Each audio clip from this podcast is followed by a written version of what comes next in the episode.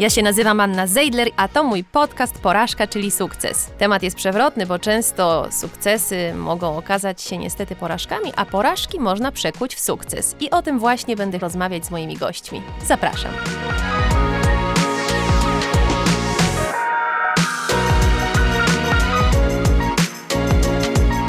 Dzisiaj moim gościem jest filolog, dziennikarka, publicystka, działaczka społeczna i samorządowa, autorka książek, takie określenia znalazłam w internecie, Monika Jaruzelska. Yy, które z tych określeń jest ci najbliższe, Moniko? Przede wszystkim dzień dobry Aniu, dziękuję za zaproszenie i dzień dobry Państwu. Chyba nie ma jakiegoś e, takiego, które bym e, szczególnie mm, wyróżniała w swoim życiu. E, raczej to jest wszystko jest jakąś, jakąś składową. To, że skończyłam e, polonistykę, e, potem studiowałam również e, psychologię, psychoterapię, mm, to w jakiś sposób mi pomaga też w mojej działalności aktualnej, zawodowej, również jako wykładowcy na, na Uniwersytecie SWPS. No i też przede wszystkim teraz głównej takiej działalności, którą, którą mam, to swoje programy na, na YouTubie. Więc e, to wszystko jest jakąś e, składową tak naprawdę i jakimś takim zamykaniem się w jednym e, słowie. Przy takim wykształceniu, jak sama wiesz, humanistycznym, to właśnie trudno jakiś konkretny taki powiedzenie sobie zawód i właśnie mm, to zawsze myślę sobie, że tak dobrze jest być na przykład lekarzem i powiedzieć, no nie, nie trzeba tam opowiadać, filolog, a tam jakoś tych rzeczowników dużo używać, tylko właśnie tym jednym lekarzem odpowiedzieć nie padło wśród tych określeń słowo stylistka. A przecież ty przez wiele lat pracowałaś w magazynie Twój Styl jako stylistka. Przez jakiś czas też byłaś osobą, która miała własną markę modową, Monika Jaruzelska. Czy za tamtym światem mody nie tęsknisz dzisiaj w ogóle? Bardzo, bardzo rzadko. Jeżeli za nim e, tęsknię, to bardziej nie ze względu na samą modę, a bardziej na to, że byłam wtedy młoda, e, było życie towarzyskie bardzo rozbudowane i jakieś też e, e, przyjaźnie i też jakieś, e, tak powiem, relacje męsko, męsko-damskie. Więc to był taki czas, kiedy dużo się działo, szczególnie właśnie lata 90., które takim optymizmem napawały i właśnie praca w twoim stylu, która, która wtedy, mm, którą wtedy rozpoczęłam i też właściwie jak, jak w jakimś stopniu mm, dzięki Krystynie Kaszubie, dołączyłam do zespołu i miałam szansę jakby takiego współtworzenia, ponieważ to były początki twojego stylu. E, najpierw zaczęłam tam pisać na, na temat e, psychologii, a, a dopiero potem właściwie zajęłam się modą bardziej z inicjatywy właśnie redaktor naczelnej. E, trochę to nie było moją pasją i właśnie tą pasją nigdy nie było, ale to, co właśnie wspominam, może bardziej wspominam niż tęsknię, to to, że no tam miałam taką szansę wytworzenia sobie swojego nazwiska mm, poza mm, jakby tym nazwiskiem e, ojca i stworzeniu jakiejś własnej e, tożsamości. To były właśnie te lata 90., czyli trochę ta moda to była taka ziemia niczyja. Myśmy jako ci młodzi e, pionierzy po zmianach ustrojowych przyjmowali tą modę i mimo, że były też te nazwiska, które wcześniej się tym zajmowały, no to myśmy oczywiście coś tworzyli właśnie wydawało nam się nowego i, i świeżego. Więc tutaj zdobywałam swoje jakieś szlify e, zawodowe. No i też znajdowałam się w, w środowisku ludzi e, związanych z modą, ale to właśnie też były to osoby głównie właśnie po studiach e, humanistycznych, z którymi byłam zaprzyjaźniona, czyli na przykład jedna z moich przyjaciółek bliskich, jedna z najlepszych makijażystek. Gonia Wielocha niestety nie, nie żyje i Gonia była po pedagogice specjalnej, czy też stylista fryzur Jarek Korniluk po anglistyce.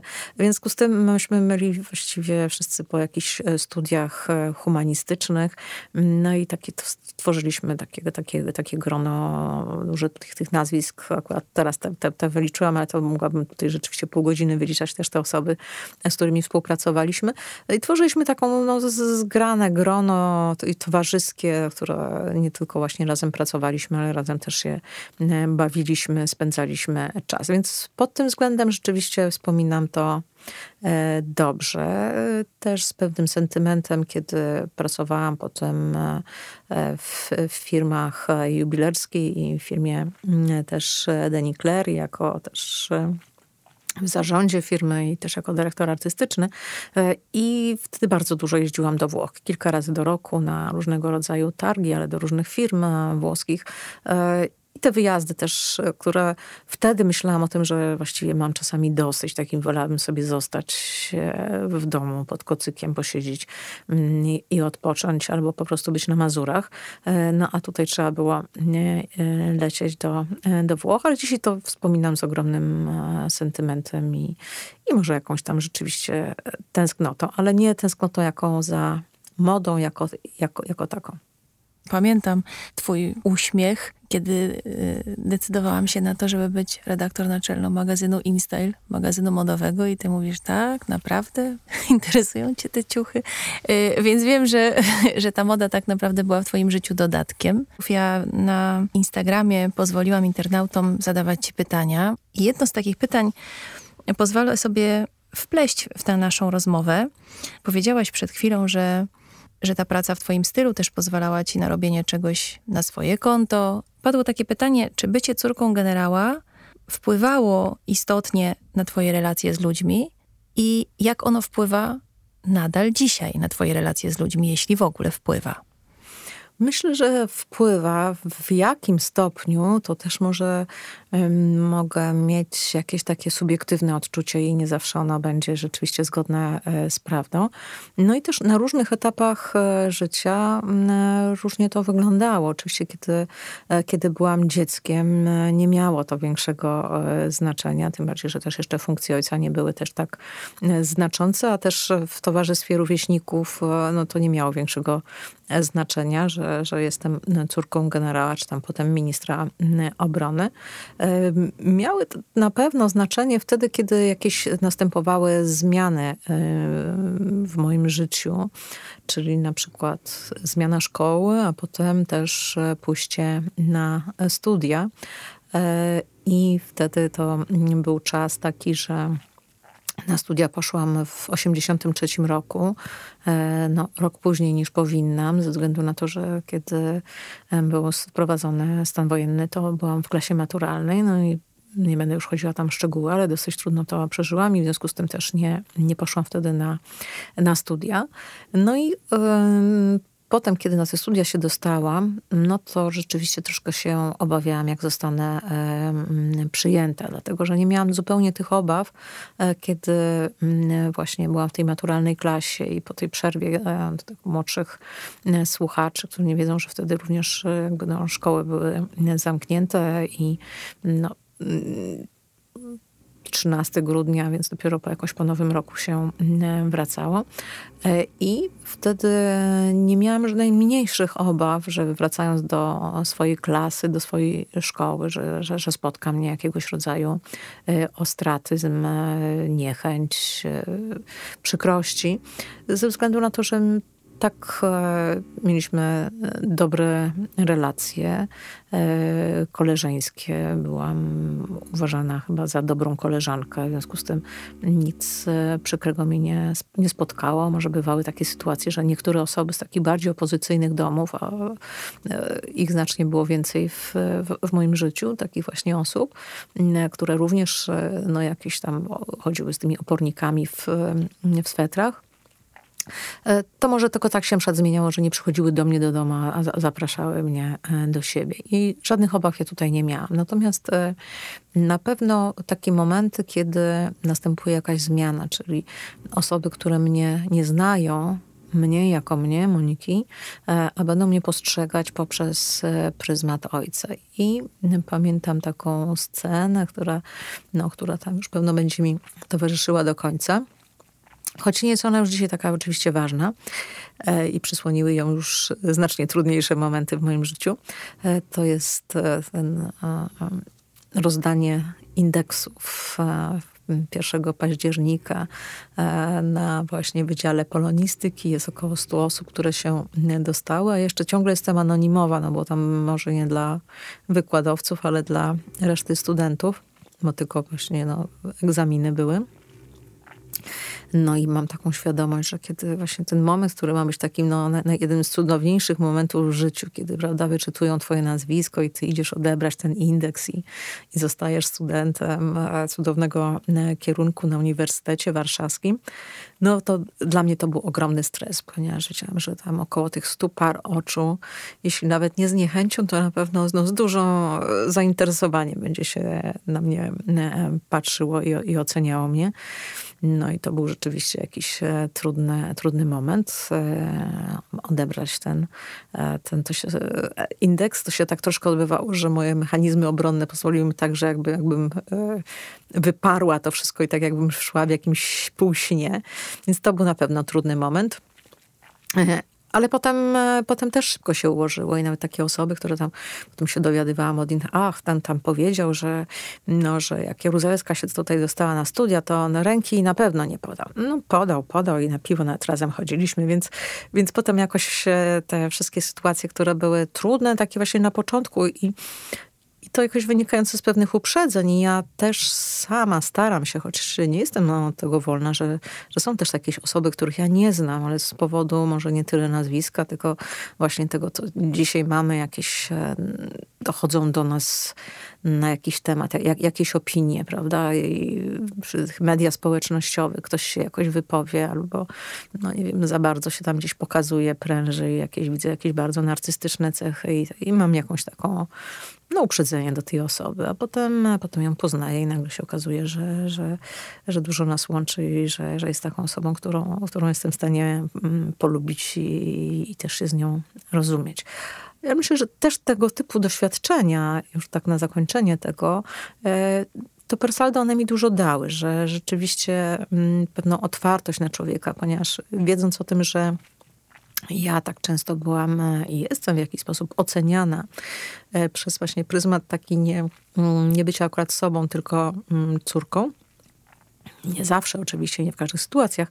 E, to też, to mi też tak daje, żebym właśnie też sama się nie nastawiała tak do kogoś negatywnie, albo też no, zbyt pozytywnie, tylko dopiero sama sobie wytwarzała jakieś zdanie na temat tej osoby.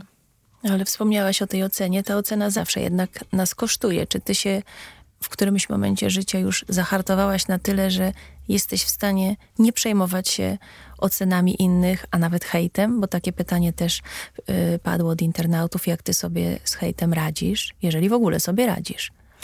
Mm, to jest różnie. Myślę, że nawet całkiem nieźle. Paradoksalnie może dlatego, że tego hejtu bardzo dużo w różnych tam okresach było i bywa. Ale to wszystko zależy od tego, mm, jak sobie w ogóle radzimy z różnymi problemami. I jest e, tak, że kiedy, nie wiem, czujemy się, nie wiem, słabsi, nie mamy jakiegoś wsparcia ze strony jakichś przyjaciół, czujemy się jakimiś rzeczami rozczarowani, albo chorujemy, albo ktoś, ktoś z naszych bliskich. I jeszcze e, dokłada się do tego właśnie jakieś, e, właśnie tak powiedziałaś, hejt chociażby to może to spowodować, że, że jest to, to jest jeszcze ta, ta, ta, ta, ta kropka nad i, czy też ta kropla, która przepełni szale goryczy, e, czy to może goryczy właściwie, e, ale może być też w, w zupełnie inaczej, tak, że właśnie jest e, tyle takich prawdziwych problemów, że, że ktoś tam, kto mi tam wy, powymyśla na, na, na, na jakimś, jakichś mediach e, społecznościowych, mm, no to, to, to w ogóle jakby jestem małą mało znaczące. Tak?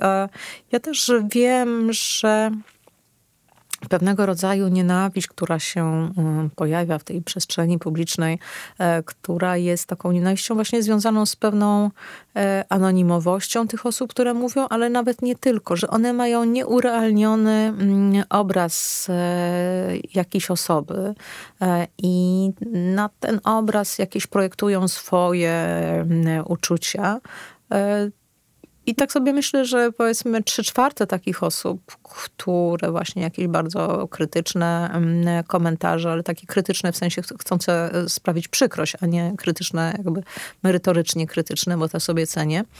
I one czasami potrafią zaboleć, chociaż sobie je cenię, jeżeli się z nimi zgadzam. E, to że kiedy byśmy się z tą osobą e, spotkali tak twarzą w twarz i siedli tak i bym się zapytała tak jakiegoś tam kogoś, kto ma jakiś tam nick tak i bym powiedziała, no ale dlaczego pan mi tak napisał? No, było mi przykro. A wie pani, no, przepraszam, no pijany byłem, a tam się zdenerwowałem czy coś. Więc ja myślę, że to jest e, trochę tak jak...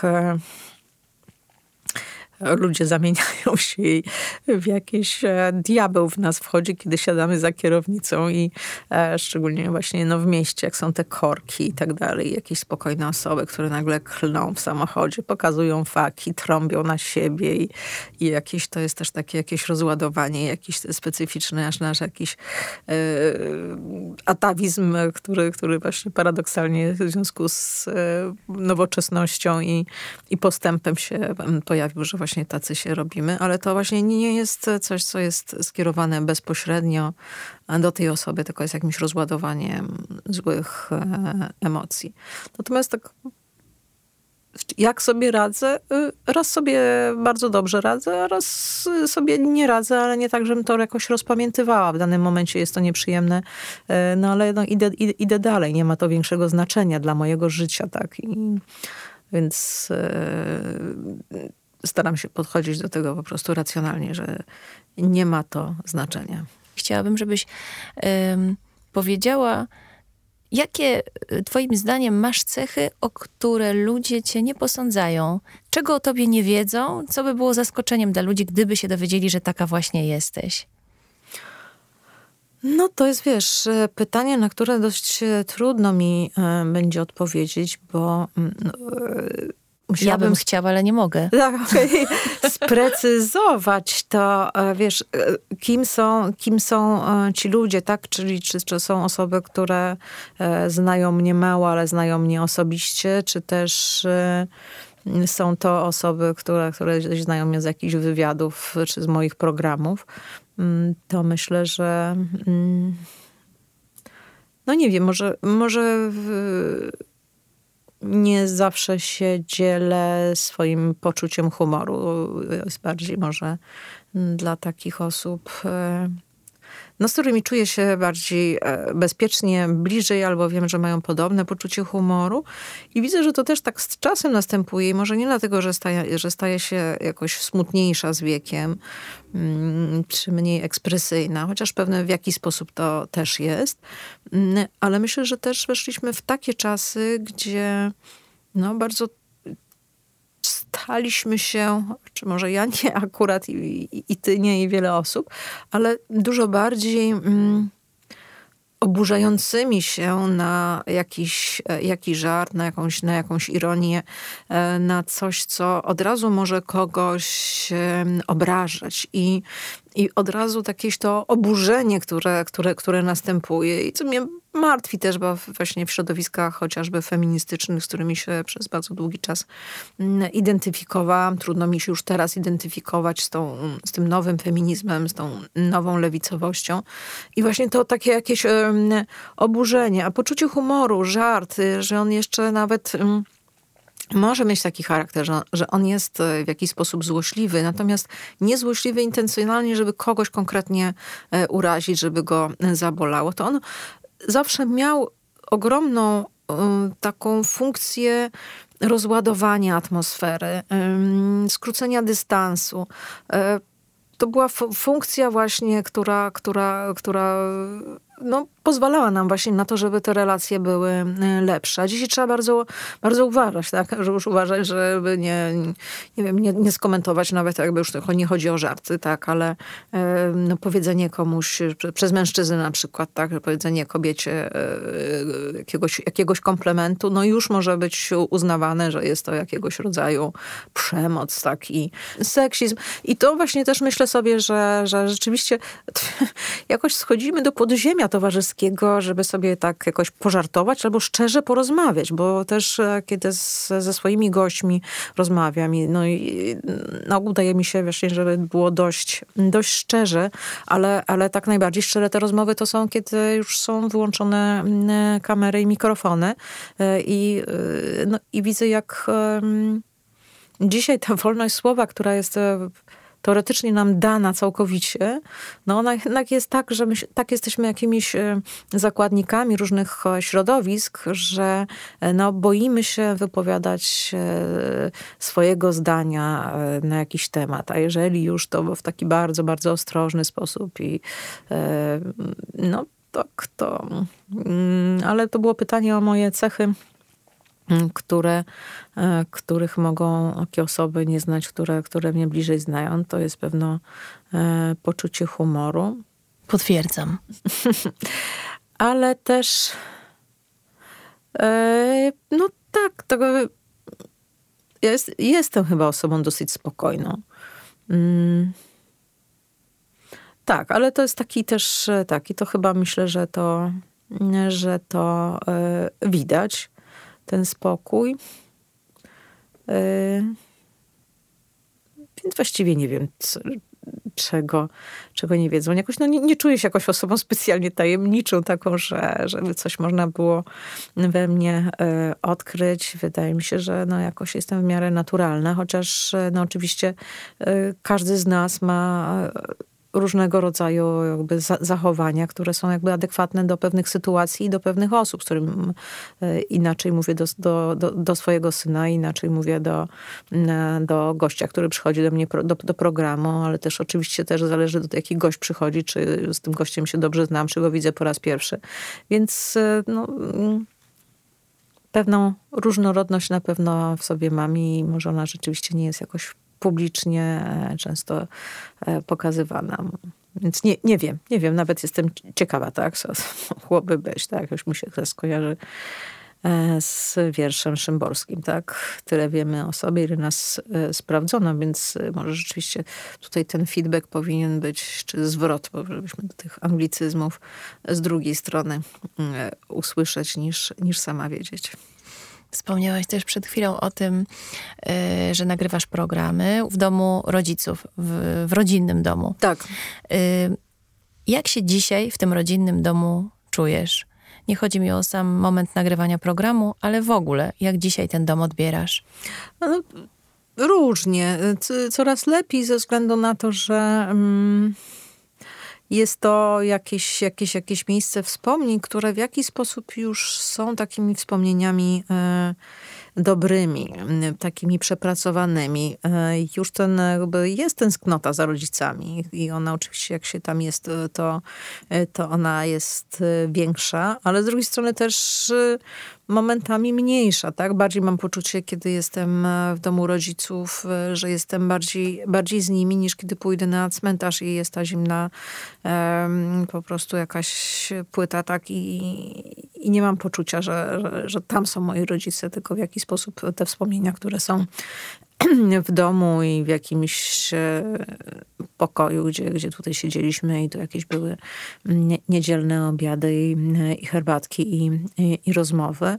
E, na pewno u mnie takie wystąpiło coś takiego po śmierci rodziców e, już ile, ileś lat, że zdecydowanie takie wspomnienia, które były niedobrymi wspomnieniami, to, to one gdzieś są, ale one do mnie nie, nie wracają. Mm, jest we mnie bardzo dużo czułości w stosunku do rodziców, e, bardzo właśnie jakichś takich e, ciepłych e, uczuć. E, pewnego rodzaju czasami też e, tęsknoty. To jest taka tęsknota powiązana i z tęsknotą za nimi, ale też jeszcze za innymi miejscami, które już właściwie nie istnieją, gdzie, gdzie, gdzie razem jeździliśmy za, za zwierzętami, które, które, które nam towarzyszyły i za pewnym światem. I tutaj akurat nie ma najmniejszego znaczenia tutaj, że to można by było zinterpretować tak, no, a tam jakoś w PRL-u była tak i córka dygnitarza, w związku z tym tak to dobrze wspomina. Myślę, że, że tutaj w ogóle nie chodzi o to, o jakiś tam system, który, który był, e, tylko mam pewną nostalgię do, do tamtego e, świata. E, świata, który był na pewno spokojniejszy, świata, który, znaczy w różnych momentach, tak, ale, jakiś, ale taki na co dzień nie było tej jakiejś takiej mm, pogoni. E, relacje ludzkie na pewno były też e, lepsze. Mniejsza była rywalizacja, raczej, raczej e, chociażby w szkole, tak, to, to zawsze taką mówię, że taka pochwała moja jest e, ściągawki, która, e, która była czymś, co świadczyło o tworzeniu jakichś takich e, wspólnot. Dzisiaj uznaje się to, że to jest po prostu coś nieuczciwego. E, może to nie było uczciwe, ale, ale zależy jak na to popatrzeć. Jeżeli chodzi o tworzenie właśnie pewnej wspólnoty i społeczeństwa, to taki e, ktoś, kto jest e, dobry w czymś, pomaga komuś, kto, jest w czymś gorszy, a i, i, i z kolei ta osoba, czyli już konkretne przykłady, tak? Ci, co dobrzy byli z matematyki i pisali ściągi tym e, gorszym, przez te ściągi po całej klasie wędrowały z ręki do ręki.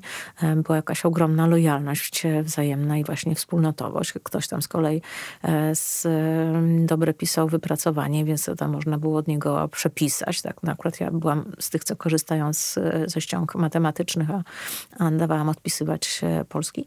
I miał, miałam takie poczucie, że, że, że, że wtedy też uczyciele też trochę tak przymykali na to mm, oczy, e, ale że był to taki świat, e, że myśmy rzeczywiście tworzyli już e, tą wspólnotę w, w szkole. Że jeżeli była ta rywalizacja, to ona się tam bardziej może w sporcie pojawiała i to bardziej może, nie wiem, u chłopców, ale, ale, ale poczucie wspólnotowości i tego właśnie jakiegoś budowania Mm. czegoś takiego, co społeczeństwo buduje, tak? Czyli właśnie ta wspólnotowość i pomaganie sobie wzajemne. E, I też e, ktoś, kto by donosił, kapuś szkolny, to w ogóle było coś, co, co mogło być naj, no, no, czymś najgorszym. Tak? To, to, to były osoby, które były zupełnie wykluczone i nawet no, rzadko się takie osoby zdarzały. I, a dzisiaj mam wrażenie, że pewnego rodzaju właśnie e, w imieniu właśnie jakichś e, rzeczy związanych właśnie z tą polityczną poprawnością, e, to, to właśnie ten kapuś i taki donosiciel, który gdzieś tam właśnie zadzwoni, że ktoś coś powiedział nie w taki sposób i, i to już gdzieś się doniesie i powie i z tego się zrobi jakiś, jakiś straszna burza w internecie, czy na, na Twitterze, na Facebooku i tak dalej.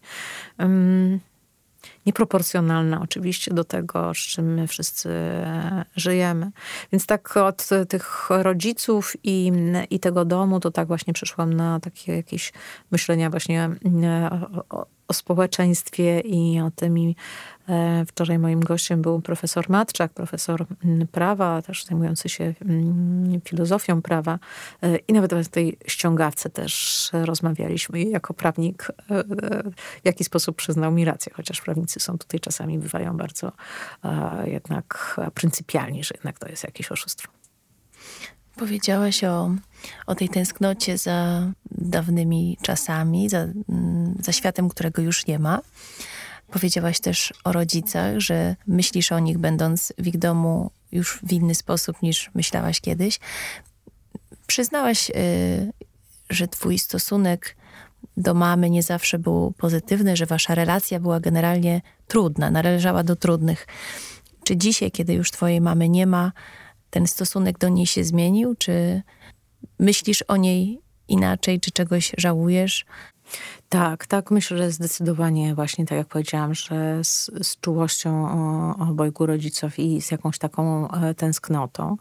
E, rzeczywiście relacja, ona nie była momentami łatwa. E, no, tak charakterologicznie się to jakoś nie, nie układało, ale z drugiej strony też e, pewien dystans związany z czasem, z tym, że mm, sama jestem matką, też pozwala mi pewne rzeczy zrozumieć i też pewne rzeczy właśnie zobaczyć i docenić to, że no, mimo jakichś tam konfliktów, które wynikało z pewnej emocjonalności mojej mamy, no to byłam, można powiedzieć, tak e, zadbana, tak, że, że to e, dentysta, okulista, korepetycje. Byłam strasznym tumanem i jeszcze nie chciało mi się uczyć. Dopiero na studiach, e, czy jeszcze tak, początek podstawówki było dobrze i potem już od studiów też bardzo dobrze. Więc takie, jakieś takie zmagania i takie właśnie myślę sobie, że właśnie no, byłam, byłam zadbana, tak, ze strony, ze strony mamy, od, właśnie od takich e, kwestii. I też jakieś, e, przychodzą mi też jakieś wspomnienia do głowy właśnie takie, kiedy, kiedy było dużo, dużo, dużo czułości, e, kiedy było dużo jakichś e, chwil, które mm, były jakąś, jakąś bliskością. Natomiast no, rzeczywiście tutaj tym trudem było to, że, że, że mama właśnie była osobą bardzo emocjonalną i to, te emocje się zmieniały i w związku z tym no, też była pewna, pewna trudność, żeby jakąś ciągłość emocjonalną zachować zachować. A dzisiaj bardziej na to patrzę, że no z jakimś pewnym e, zrozumieniem i też, no, no też wydawałoby mi się to groteskowe, że ja w wieku no, 60 lat mam jakieś pretensje jeszcze do, tutaj do rodziców. No to, to e, wiem, że dzisiaj tyle osób jest w terapii. Ja też uczyłam się terapii, psychoterapii i e, również e, sama byłam.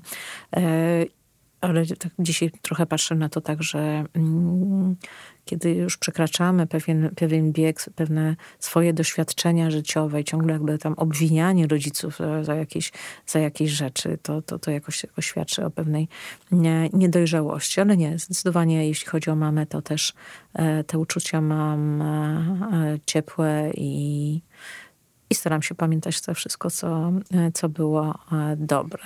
Ale myślisz sobie z perspektywy właśnie osoby już dojrzałej, że gdybyś mogła cofnąć czas, to coś byś w tej relacji y, zrobiła innego, poprowadziłaby się inaczej?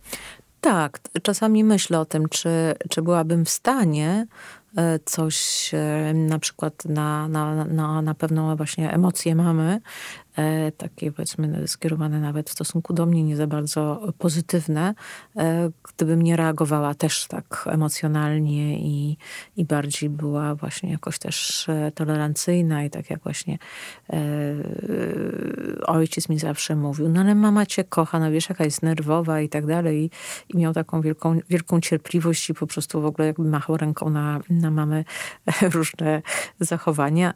No a ja jakoś właśnie byłam w tym wszystkim albo zbuntowana, albo rozżalona.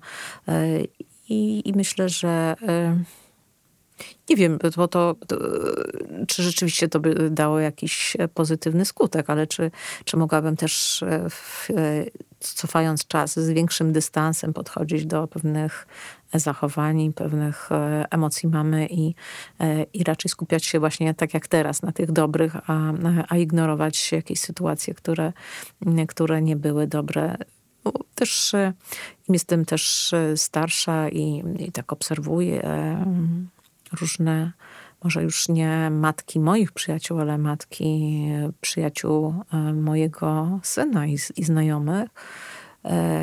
I no, wiele z takich przypadków, kiedy myślę sobie, ojej, to jednak moja mama była bardzo dobra. No, jednak mimo wszystko dużo więcej mi poświęca czasu, uwagi e, e, i nawet jeżeli tych właśnie jakichś emocji było dużo, to, to, to była dużo lepszą mamą niż niektóre, e, zresztą nasze też wspólne znajome. A jaka jest twoja relacja z synem? Bo ty też jako matka bardzo różnisz się w wychowywaniu syna od swojej mamy. Często jest tak, że nawet jeżeli do rodziców o coś mamy pretensje, coś nam się nie podoba w ich postępowaniu, to pomimo wszystko powtarzamy te same błędy po nich. Y, ty swojego syna wychowujesz inaczej niż twoja mama wychowywała ciebie. Jaka jest dzisiaj wasza relacja? No dobra, dobra. Jest zdecydowanie dobrą relacją. E, ja myślę, że ja przyjęłam taką rolę trochę jak mój ojciec w stosunku do mojego syna, tylko oczywiście na ojca to jakby też no, nasza relacja, no jak każda relacja, ewoluowała, tak, to, czyli e, kiedy, e, kiedy ja byłam dzieckiem, no to ojciec pracował, kiedy ja byłam młodą dziewczyną, ojciec też pracował, właściwie go nie było prawie w domu, tam spędzaliśmy razem wakacje. I to też, też jakieś tam niezbyt długie, ale no jak tam, oczywiście jakiś tam wiek dojrzewania, jeszcze tam właśnie wchodziły sprawy polityczne, więc tam e, były też i z, z mojej strony jakieś trzaskania drzwiami, jakieś awantury, na co mój ojciec siedział z takim patetycznym milczeniem i tylko widać było, że tam kapeć tam tak stukał pięte, że jest zdenerwowany. Myśmy tam z mamą e, trochę właśnie pokrzykiwały, czy właśnie jak powiedziałam, drzwi trzaskały. E, ale ojciec właśnie był tą taką łazą spokoju w domu i mm, takiego rozumienia, umiejętności wysłuchania. No i staram się być też e, kimś takim e, dla, dla mojego syna i to też nie jest e, tak, że ja to miałam przemyślane, że, że to w ten sposób powinno mm, wyglądać. I tylko tak to się po prostu w jakiś sposób stało i tak się ułożyło. I, i myślę, że no, mój syn wie, że ma we mnie osobę, której może mm, wszystkim powiedzieć. Wie, że będę mm, dla niego wsparciem.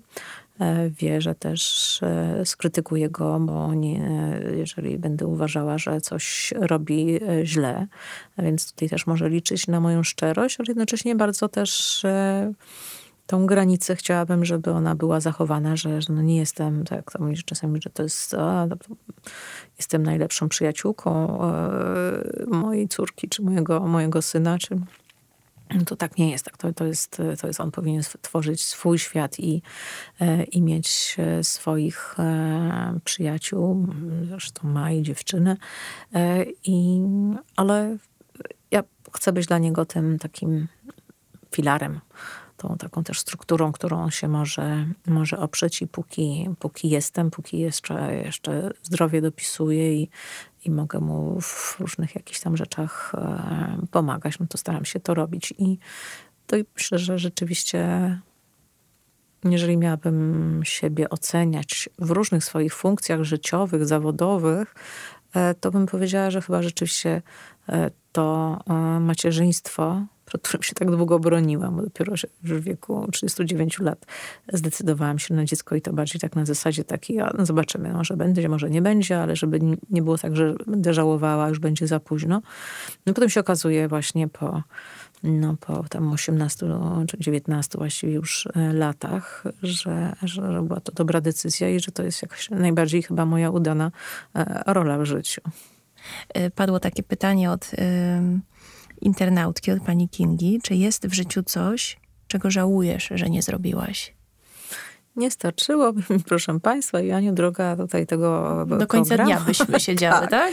Oczywiście, że bardzo, bardzo wielu rzeczy żałuję. Żałuję tych, które zrobiłam i tych rzeczy, których nie żałuję, chociaż oczywiście jest takie powiedzenie, że, że najbardziej żałujemy tego nie, co zrobiliśmy, tylko tego, czego nie zrobiliśmy. Yy tak, były różne, były różne momenty, decyzje, które z perspektywy czasu mogę powiedzieć, że one nie były dobrymi decyzjami.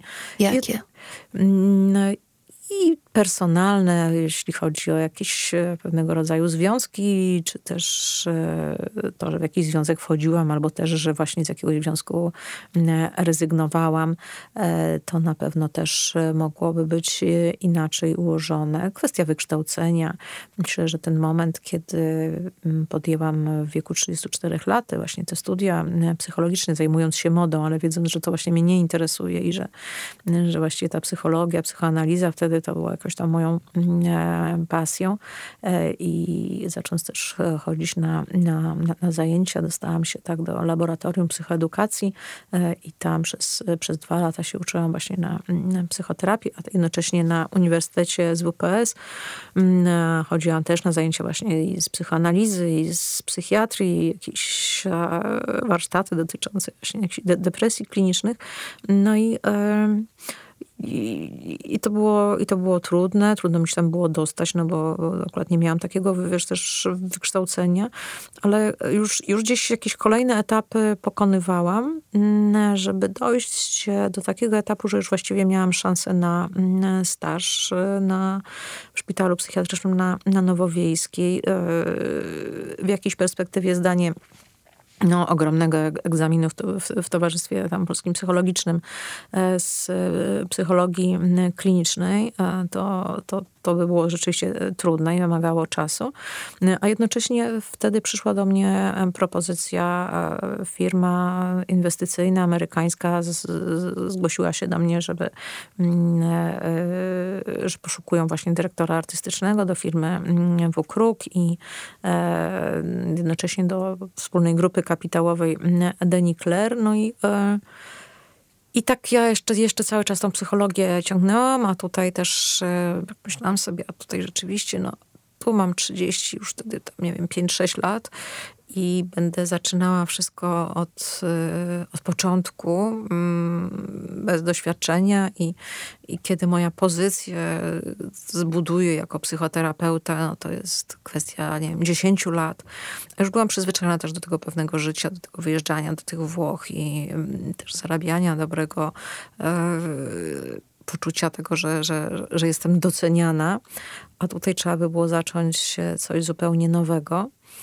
Mm, no i to jest ta rzecz chyba, że, że, że, żałuję, że wtedy właśnie, no nie miałam dziecka, nie miałam kredytu we frankach, w związku z tym mogłam pójść się mm, tamtą stronę. Bym była już po, mm, miałam co najmniej dwudziestoletni e, staż jako, jako terapeuta i, i myślę, że w tym bym się no jak, tak przynajmniej się, mi się wydaje, tak, że, że, że w tym bym się spełniała i też mogłabym e, dużo dobrego zrobić. No i biorąc pod uwagę y, fakt, że dzisiaj mnóstwo ludzi zmaga się z problemami natury mm -hmm. psychicznej, miałabyś y, gabinet, w którym drzwi by się chyba nie zamykały. Y, tylu byłoby chętnych. Ale powiedz mi, czy to, że w ogóle cię ten temat zainteresował, że w ogóle chciałaś tak jak sama wspomniałaś, um, dowiedzieć się więcej o depresji klinicznej mhm. i o tych tematach. Um, to było związane również ze stanem twojego zdrowia? Z ależ twoją psychiką? Ależ oczywiście tak i e, było to z tym związane, ale też z pewnymi zainteresowaniami, które wynikały z e, czegoś takiego, że, że bardzo lubiłam czyjeś zwierzenia też.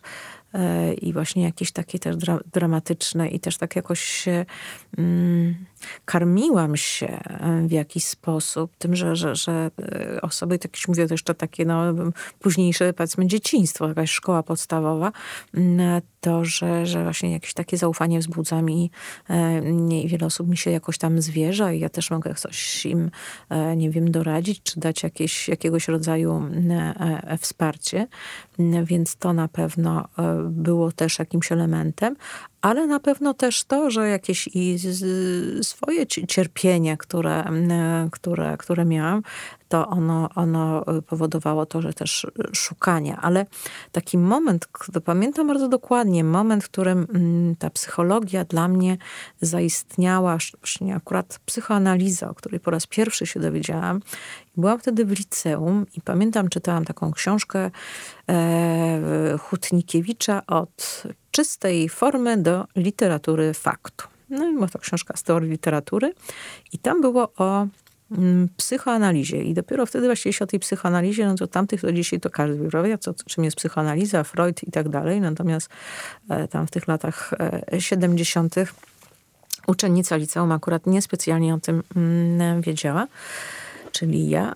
I e, właśnie był tam taki zarys e, psychoanalizy, kwestii właśnie podświadomości, kwestii popędów e, i wpływu psychoanalizy Freuda na narrację w literaturze.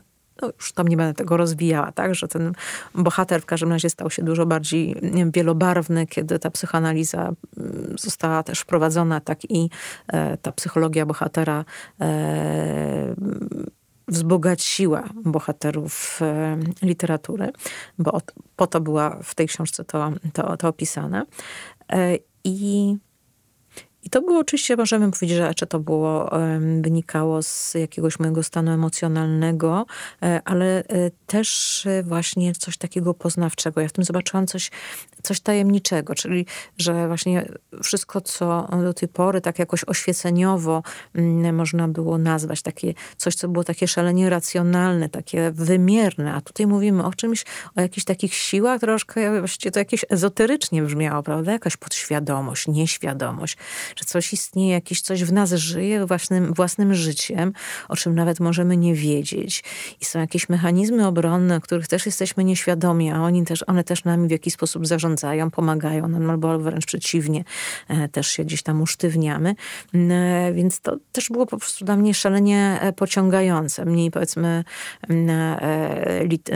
psychologia jakaś tam behawioralna, tak tam Pawłow, odruchy i innego rodzaju. Dzisiaj akurat modna, tylko już trochę w innym wydaniu ale właśnie ta psychoanaliza i potem nawet na, na, studiach polonistycznych to jedną z tych prac takie pisałam, myślałam, że to będzie może moja praca e, magisterska, w końcu nie, ale e, właśnie o tym, jak to powieść, jedną z najsłynniejszych powieści mm, Fiodora Dostojewskiego, bracia Karamazow, położyć na kozetce u Freuda i zobaczyć sobie, jak tam pięknie nam na przykład zagrają wszystkie kompleksy Edypa y, i inne fiksacje, inne rzeczy.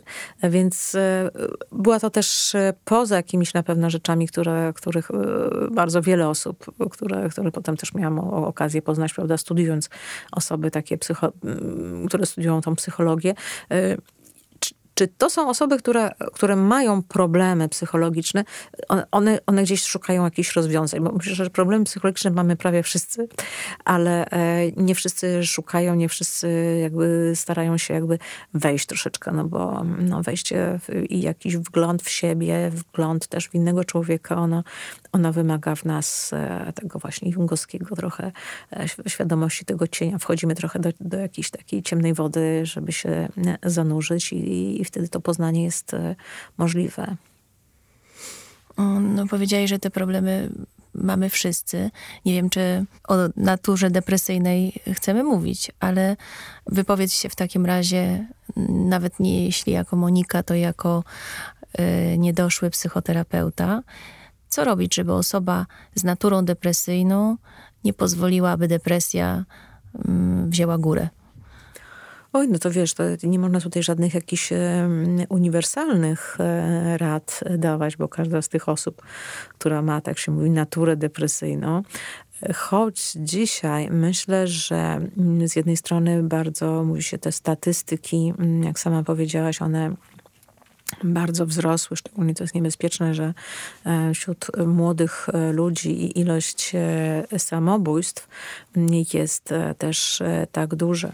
Ja powiem coś, co wbrew temu, co, o czym przed chwilą mówiłam, że mm, Osoby e, depresyjne, które tak je nazwiemy i one, ta depresja może tam z różnych być względów, czy ona może być taką depresją reaktywną, wynikającą z okoliczności życia, tak, które, które są e, ale też e, może mieć e, czysto taki charakter po prostu no, fizjologiczny, tak, że, że no i wystarczy po prostu jakaś farmakologia, która pomoże tam tym jakąś neuroną, synapsą i, i, i wtedy ten stan się poprawia, więc tutaj jest depresja depresji nierówna. Ja bym powiedziała, że taką rzeczą, która właśnie jest trochę niepokojąca i to, że mm, właśnie ci młodzi ludzie e, tak bardzo teraz e, często właśnie zapadają na te depresje, są te próby samobójcze i nie tylko próby niestety,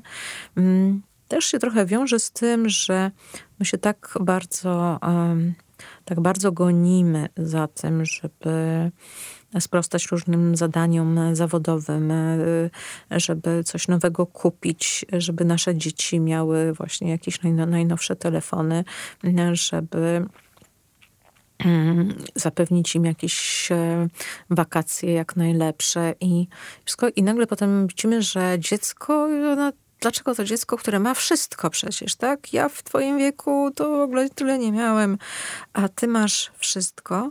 No ale nagle okazuje się, że jest ogromny deficyt właśnie takiej relacji, bliskości, rozmowy.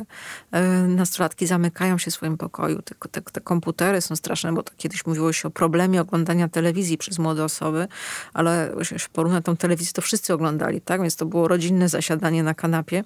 W związku z tym e, i potem można było o tym rozmawiać. Natomiast rzeczywiście dzisiaj e, i ta, ten iPhone i, ta, i ten komputer w, w, w pokoju, on spowodował to właśnie takie rozdzielenie, tak? Że cała rodzina jest w domu, a wszyscy są, wszyscy są osobno.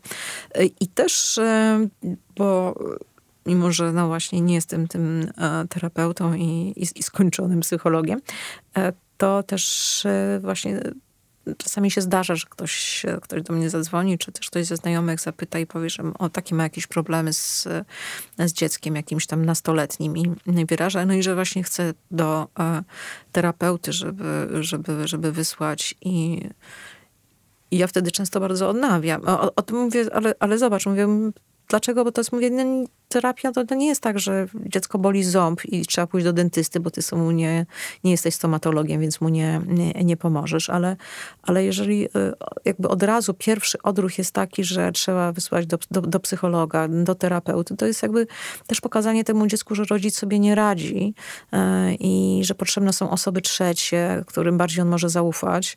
W związku z tym żeby tak łatwo się też nie, nie, nie decydować na, y, na to, żeby, żeby te osoby trzecie pomagały. Oczywiście to też nie jest taka rada, bo, bo można nie wyczuć tak i rzeczywiście ten terapeuta może, no może dziecku uratować życie, ale, ale też y, pamiętać o tym, że relacje, te, które są w domu, te, które są mm, w w rodzinie mm, bliskich, e, no to one są, one są tą podstawą taką, z którą dziecko, to są te korzenie, które dziecko ma, jako to drzewko, które, które wyrasta i jeżeli to drzewo ma te korzenie, które, które pozwolą mu rosnąć, rozwijać się, no to będzie, będzie, będzie łatwiej mu na pewno niż, niż takie, takie drzewko o rachitycznych korzeniach, które nawet zbuduje wielką koronę pełną, pełną liści, ale tylko wiatr zawieje i się przewróci. No myślę, że te relacje są istotne na każdym etapie naszego życia, choć oczywiście w dzieciństwie yy, pewnie najistotniejsze, bo nas formują jako ludzi. Czy ty, Moniko, jako osoba dojrzała, świadoma, jesteś zadowolona ze swojego życia? Ale pytasz się z perspektywy czasu, jakby oceniam. Tak, w ogóle. Czy jesteś osobą zadowoloną z życia? Mm, powiedziałabym umiarkowanie, mm, bez dramatu. E, na pewno z pewną pokorą podchodzącą i pewnego rodzaju już jakby, no, no już nie będę fikać tak w tym wieku, więc już jakąś tam rezygnacją. E, więcej we mnie jest oczywiście już tej, tej proporcji, jak popatrzyłem, to są, to jest ta proporcja tych wspomnień, tych wspomnień jest dużo i, e, i one są... Um, różne, ale też staram się pielęgnować te wspomnienia, które są dobre i myślę sobie, że e, czasami, kiedy kiedyś rzeczywiście, chociaż też i zdarzają się teraz takie momenty, że takie wspomnienia czegoś właśnie, co było dobre, jakieś, jakieś takie miejsce, które się kochało, jakiś tam, nie wiem, chociażby las, tak, którym, nie wiem, co roku, będąc na wakacjach, gdzieś tam na rowerze jechałam do tego lasu i, e, i, i gdzieś tam nad brzegiem jakiegoś małego jeziorka siadałam i, no i przeżywałam to e, bardzo duchowo. Dla mnie, dla mnie, dla mnie las, jest, las takim zawsze był miejscem właśnie jakiegoś takiego mm, jakiegoś uniesienia nawet powiedziałabym. E, I już ten las jest wycięty, tak, i pozostały po nim suche, suche pieńki. E, I to jest coś takiego, co, co mogłabym e, albo się skupiać na tym i myśleć sobie, Boże, jakie tylko teraz zostały te, te, te zgliszcza z tego, z tego lasu, a tam tyle takich jakichś pięknych miałam tych momentów i tam te poziomki tak pachniały w tym lesie i, i coś ale mogę też myśleć sobie właśnie o tych, o, o tych wspomnieniach i że tych wspomnień już mi nikt nie wytnie. Może jakaś demencja, tak, ale póki jeszcze jej nie ma i te wspomnienia mogę mieć, to mogę powiedzieć, że no, z tego jestem zadowolona i jeszcze z tych rzeczy, które mi jakoś tam pozostały i, i to jest ten właśnie taki na przykład y, moment, którym y, mogę przyjechać wreszcie na moje ukochane Mazury i ten pierwszy moment, kiedy wchodzę do, do jeziora, żeby, żeby popływać. I, i najpierw zawsze jest za zimno, tak się wydaje, bo to, bo to jest pierwsze, pierwsze pływanie. I nawet jak jest upał, to ta woda się wydaje zimna. I tak w końcu się zanurzam i, i płynę. I tak, tak sobie myślę, może żeby jeszcze, no jeszcze, no tak z te 10 lat jeszcze takich mieć, żeby tak to lato zaczynać tym wejściem do tej, do tej wody. I to są te momenty, kiedy myślę, że moje życie w tym momencie jest e, udane. E, I jeszcze mam te rzeczy, które mam. Natomiast też e, jakaś taka świadomość, że, że moje oczekiwania częściowo się spełniły, częściowo się nie spełniły. Natomiast chyba nie mogę powiedzieć, że, w moim życiu była pustka. Moje życie nawet czasami było zbyt gęste. No i tak. No skoro jest to podcast o porażkach i sukcesach, to yy, to powiedz, co ty uważasz za swoją największą porażkę, a co za największy sukces? Wiesz, myślałam o tym oczywiście, wiedząc, jaki jest e, e, tytuł programu i, i, właśnie jakieś takie podsumowanie, że, że w sumie bardzo mi było trudno, nawet to jest też takie, no zawsze jak się mówi największe, tak, no to też coś, coś największe może mi się wydawać inne wczoraj, e, wydawało mi się, a inne będzie mi się wydawało dzisiaj, ale taką miałam refleksję dotyczącą i, i mnie, i, e, ale też i współczesności. Nie, zaraz powrócę do siebie, bo wiem, że, że to nie, e, zawsze jest ciekawsze, żeby nie generalizować, a żeby mówić o jakichś swoich osobistych mm, przeżyciach. Ale myślałam sobie, że jak się zmieniło w ogóle mm, poczucie tego, że no, człowiek, człowiek sukcesu e, i ten sukces, on był kiedyś mierzony taką miarą mm, pewnej stabilności przez, przez całe życie, czyli że ktoś osiągał sukces, czyli nie wiem, właśnie zdobył wykształcenie, zdobył jakąś pracę, pewien jakiś awans społeczny. Potem tą pracę całe życie potrafił utrzymać. E, potem, nie wiem, e, związek, który przetrwałby e, całe życie, dzieci. I taki można było powiedzieć, że to jest człowiek, który osiągnął sukces. A my dzisiaj albo właśnie wtedy jakaś wielka porażka, która schodzi, tak? Czyli ten człowiek, nie wiem, właśnie zaczyna pić i wszystko, wszystko traci. A dzisiaj jesteśmy e, pofragmentaryzowani. To jest, jesteśmy, mamy bardzo dużo małych e, sukcesów, sukcesików, porażek i tego, to jest tak, tak poszatkowane, że rzeczywiście trudno mi było powiedzieć. No boję się powiedzieć to, że, że, że to, co już powiedziałam, tak? że, że jakimś sukcesem jest dla mnie to, że udało mi się taką stworzyć e, relację z synem, to, że, że on jest bardzo mądrym e, chłopakiem. E, I mogę być rzeczywiście z niego mm, dumna, więc to jest jakiś mój, mój pewno sukces. Jednocześnie tak samo lęk, tak? Bo, bo, bo, bo, bo z tym się wiąże oczywiście to, że już nie mam jakichś dużych oczekiwań w stosunku do siebie, natomiast właśnie, to, właśnie co do szczęścia, natomiast co do, co do szczęścia mojego syna, no to już ja już to prze, przeprojektowałam, tak, że to już moje, to już tylko, jeżeli on będzie szczęśliwy, to już, to już im nie będzie mm, dobrze na tym świecie. E, natomiast e, porażka. Nie wiem.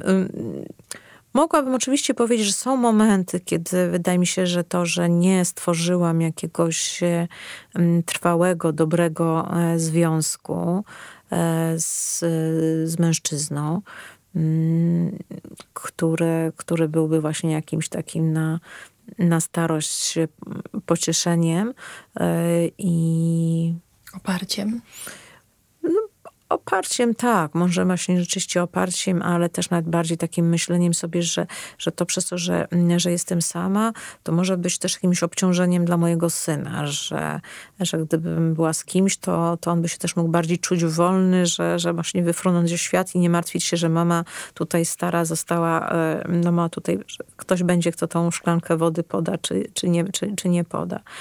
Ale, czy y, wytrąci z rąk. czy wytrąci z rąk, tak. E, więc y, czasami tak myślę, i że, ale to jest bardziej zastanawianie się. To jest bardziej zastanawianie się, czego kiedyś nie było, bo, e, bo kiedyś rzeczywiście e, byłam tą taką... Mm, dumną singielką, e, która, która uważała, że, że rzeczywiście jest, e, ta, tak jest najlepiej, bycie, bycie, bycie samemu. E, teraz, teraz tego nie wiem. Teraz tego nie wiem, bo, bo są momenty, kiedy rzeczywiście to, że jestem, to, że jestem sama, ono, ono mi sprawia, może nie tyle cieszy, tak, I, ale, ale potrafię też to, też to docenić i, i też docenić siebie, że właśnie z różnymi rzeczami muszę zmagać się sama i, i kiedy się zmagam i daję radę, to też mi daje jakąś e, satysfakcję. A nie wiem, nie wiem, bo, bo, bo byłoby to jakieś e, chyba nieszczere, gdybym powiedziała, że to jest jakiś dla mnie e, najważniejsza rzecz. Ale jest to na pewno jakiś proces, który, który, który zaszedł i który, nie wiem, tam, nie wiem, e, jeszcze tam, nie wiem, 10 lat temu, czy, czy, czy, czy, czy nie mówiąc już 15, bym mówiła, że to jest, że to jest fajne. Bycie, bycie samemu, tak, bywa to, e, bywa to dobre, ale też e, bywa złe. Natomiast czy to jest moja porażka? Tego, tego nie wiem. No, może tak podchodzić do tego z jakąś tak dialektycznie, czyli gdzie ilość przemienia się w jakość, to ilość tych związków była mi i w związku z tym tej miłości e, doświadczyłam i, i będąc e, kochaną i, e, i kochając, może właśnie w tych wspomnieniach, e, w których odnajduję różne dobre rzeczy, to, to, to, to właśnie też i te, te związki. A to, że nie udało się takiego związku stworzyć na, na tą ostatnią część życia, no to nie, no, no. Czy też i tak mi się wydaje, że, że, że miłość jest pewnego rodzaju luksusem i że my jesteśmy trochę tak przyzwyczajeni do tego, że na tych bajkach, e, czy też już komediach romantycznych, że, że właściwie no zawsze i nigdy nie jest za późno i się jakoś tam znajduje i że, że to jest i to oczekiwanie właśnie na tą miłość, że ona musi przyjść w życiu, e, bardziej nas frustruje niż nawet sami e, brak. Tak samo zresztą jak z sukcesem, że jesteśmy w kulturze sukcesu i każdy, kto tego sukcesu nie, nie, nie osiąga, no to jest właśnie jakimś nieudacznikiem. A tak naprawdę to, że musimy, wystarczy, że jesteśmy przeciętni, że jesteśmy zdrowi. Jest może czasami wystarczającym po prostu e, szczęściem, którego nie jesteśmy w stanie mm, docenić. Dzisiaj, kiedy patrzysz na te relacje, to jakie oceniasz, dlaczego one się nie udały, dlaczego, tak jak powiedziałaś, nie udało ci się stworzyć takiej relacji, która y, przetrwałaby na te tak zwane stare lata? I bardzo z różnych, z różnych przyczyn. Na pewno też były to niedobre wybory, e, e, w sensie takim jakby, żeby miały jakąś e, trwałość. Na pewno było dużo też w innych jakichś tam związkach mojej winy. Na pewno też to też zależało od jakiegoś czasu, więc nie potrafiłabym takiego jednego kwantyfikatora dać do tego, że, że akurat z tego ani innego powodu te związki się kończyły. Niektóre z tych związków ja kończyłam, niektórzy, e, niektóre tych związków były kończone przez, przez, przez moich e, partnerów. Więc no, każda, każda z tych historii, e, tych bardziej oczywiście tych znaczących, no, była jakąś tam inną i na innym etapie życia i na innym E, inne oczekiwania e, miałam wtedy, e, inne oczekiwania ktoś z kim byłam, więc te, te przyczyny no, nie potrafiłabym rzeczywiście jakiejś wspólnej cechy dla nich znaleźć. A jakie oczekiwania miałabyś dzisiaj? W stosunku do, do relacji, w której chciałabyś trwać. Ojejku, wiesz, że to taka dla mnie abstrakcja, że, że aż trudno mi jest e, powiedzieć, bo tak się czuję tą starszą panią, że rzeczywiście... No na pewno myślę, że tak. Ważniejszą już teraz niż e, jakieś e, rzeczy, które by były ekscytujące, to raczej takie, które by dawały większe poczucie właśnie jakiegoś e, e, spokoju, że jeżeli ja czegoś nie dam rady zrobić, no to e, ktoś to zrobi. Nawet takie rzeczy czysto mm, organizacyjne, tak, że no jeżeli ja właśnie tutaj siedzę u ciebie na podcaście, a w tym czasie trzeba by było pojechać i coś załatwić, to, że ktoś to może też zrobić. Oczywiście też dużo rzeczy jakby to syn robi, ale, ale to są jakieś takie rzeczy takiego, takiej codzienności, pewności. Czasem miło by było pójść sobie razem pooglądać jakiś film, chociaż z drugiej strony, jak myślę sobie o tym, że ale nie, ja bym chciała, ja bym chciała ten thriller, a tu ktoś by mi mówił, nie, no nie, no ale to już jakoś co, to znowu, znowu ten jakiś tam tymi trupami chcesz oglądać, coś, coś tego, no i to by były jakieś spory, więc ten, no myślę, że jakaś taki, no jeżeli to miałby być jakiś związek oparty na, na jakiś tam e, przyjaźni i mm, zrozumieniu, to może tak, ale wiesz, jak jakoś o tym mówię, to jakoś, jakoś się odechciewa właśnie. No właśnie widzę, że entuzjazm padł. entuzjazm padł, tak. Ostatnio przeczytałam takie zdanie, które wypowiedział mm, Matthew McConaughey, amerykański aktor, że szczęście to jest możliwość mm, czekania na coś, wypatrywania jakiejś sytuacji, jakiegoś zdarzenia. Czy jest coś, na co ty czekasz?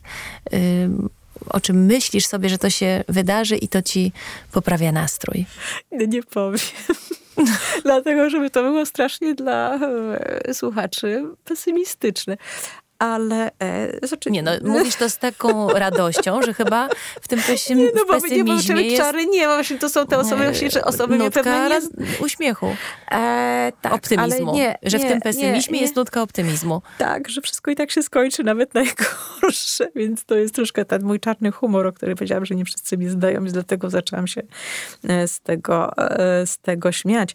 Ale nie, nie, nie zgodziłabym się z tym e, jego twierdzeniem, że że to e, czekanie jest takim e, czymś, co jest najszczęśliwsze, czyli, czyli właśnie ten, ten, ten moment, prawda, taki przed, czyli to między ustami, tak, a brzegiem pucharu. E, ale, ale myślę sobie, że, że też to jest jakoś, może być bardzo skazane na, na jakieś rozczarowania. Natomiast kiedy właśnie jakoś specjalnie się nie oczekuje i, mm, i przyjmuje się pewną może nie rezygnacją, ale jakąś, jakąś, jakąś pokorą czy spokojem to, co jest. E, I oczywiście można próbować różne rzeczy zmienić, e, ale przyjąć też, że, że jednak jest w naszym życiu jakiś pewien rodzaj determinizmu i, e, i to, co nas czasami uczą o tym pozytywnym myśleniu, czy, czy czymś takim, w jakiś sposób może, może się sprawdzić, ale z drugiej strony no, na nie wszystko mamy wpływ i, i czasem powiedzenie sobie tak, że no trudno, stało się, no to nie znaczy, że nie mogę sobie zrobić herbatki z cytryną i z miodem i wziąć dobrej książki i tak dalej. Ale można też powiedzieć, no trudno i równocześnie mm, dodać do tego fajnie by było gdyby. I tu tylko chodzi tylko o te trzy kropki, gdyby co. Bo to nie chodzi o to czekanie, o, o którym przed chwilą mówiłyśmy na to, co się wydarzy, tylko bardziej o taką nadzieję, że coś, mnie, coś się jeszcze może w moim życiu wydarzyć. Czy jest coś takiego, co by ci sprawiło radość, gdyby się w twoim życiu wydarzyło? Nawet jeśli się nie wydarzy, zrobisz sobie tę herbatkę z cytryną, no. a jeśli by się wydarzyło, to może byłby to szampan. Pytam, co Wiesz, by to było? Y, co taką, tak sobie myślę, że e, lubię to, co robię mm, zawodowo i, i, i, te rozmowy, ale też czasami czuję, że, że ja jednak będąc pewnego rodzaju introwertykiem, e, a, a pracując też e, sobą, czy na właśnie, czy na wizji, czy nawet odwiedzając tutaj cię w programie, jak pamiętasz, bardzo się dopytywałam, czy to nie będzie przypadkiem kamer, bo to mówić to jest okej, ale też właśnie będąc wykładowcą, że ja cały czas jakby sobą mam takie potrzeby, potrzebę takiego schowania się i takie myślenie sobie, że czego ja bym chciała, to to pomyślałam sobie, że, że żeby taki moment w moim życiu nastąpił, żebym e, miała taki właśnie e, spokój i żebym mogła sobie znacznie więcej czasu spędzać na Mazurach, a może nawet jakoś częściowo się tam przenieść i siedzieć sobie i pisać książki, które jeszcze by były czytane, doceniane. E, to myślę, że, że to było coś, co by mi sprawiło radość. Wyniesienie się z miasta. Myślę, że, że, że miasto nie jest moim ekosystemem. No i myślę, że jeśli chodzi tutaj o y, kontekst modowy, to może jeszcze kupno czapki niewidki mogłoby ci sprawić frajdę. może tak. tak, ale jakoś czekajmy, bo musimy to jakoś bardziej, wiesz, optymistycznie, bo dla, dla mnie to nie jest pesymizm, ale ale, ale wiem, nie, nie, nie, nie za ponuro, nie za tutaj nie, nie to znaczy, zakończyliśmy nie oszukujmy, nie oszukujmy słuchaczy, yy, że jesteś optymistką bo nią chyba nie jesteś. To nie znaczy, że jako pesymistka nie możesz y, jakiegoś optymistycznego przekazu na koniec y, pozostawić. Y, tak, ale ja wiesz co, ja też nawet nie wiem, czy to jest pesymizm. Że to jest jakiś, powiedziałabym, że to jest jakiś pewien stoicyzm, e, sceptycyzm, taki bardziej czerpanie z tych antycznych e, wzorów, które, które jest jakby wbrew temu, e, jak to właśnie jeden z współczesnych stoików nazwał, że żyjemy w czasach emocjoholizmu i musimy rzeczywiście jakoś tak mieć te uczucia takie jakieś, no, no właśnie, jakieś te emocje, które są jakimiś silnymi emocjami, właśnie jakiejś takiej ekscytacji, czegoś takiego, że, że, że właśnie ten spokój, on jest, on może też być... Emocjonujący. Nie, po prostu spokojny i to nam da, dawać jakieś, jakiś e, rodzaj zadowolenia, tak? Nie od razu musimy mówić szczęście, e, możemy mówić zadowolenie. nie wiesz, co powiedzieć, żeby było weselej? E, nie, nie wiem nawet, czy musi być weselej. E, zgadzam się, że spokój jest ogromnym luksusem. Zresztą sama ci mówiłam, że nad tym wewnętrznym spokojem własnym pracuję właśnie, żeby go w sobie mieć. I uważam, że to jest y, wielkie szczęście. I tak jak wspomniałam, luksus, żeby ten spokój y, odczuwać. Więc z tym się zgadzam. Ale myślę, że emocje raz na jakiś czas też dodają uroku życiu i nie należy ich unikać. Aniu, yy, tak. Aniu, tak. Jeśli chodzi o ciebie, jestem na tak. I obie wiemy, o czym, o czym mówimy, ale tego tematu rozwijać nie będziemy. No dobrze. W takim razie ze spokojem chciałam ci podziękować za to, że pomimo tego, że nikt nie zastąpił cię w wypełnianiu twoich obowiązków, ani w czasie naszej rozmowy nie wyszedł y, w twoim imieniu z psem. A postanowiłaś, postanowiłaś poświęcić y, dla mnie godzinę y, swojego życia. Bardzo Ci dziękuję za, za rozmowę, za poświęcony czas. Dziękuję bardzo za uwagę. Dziękuję i do widzenia.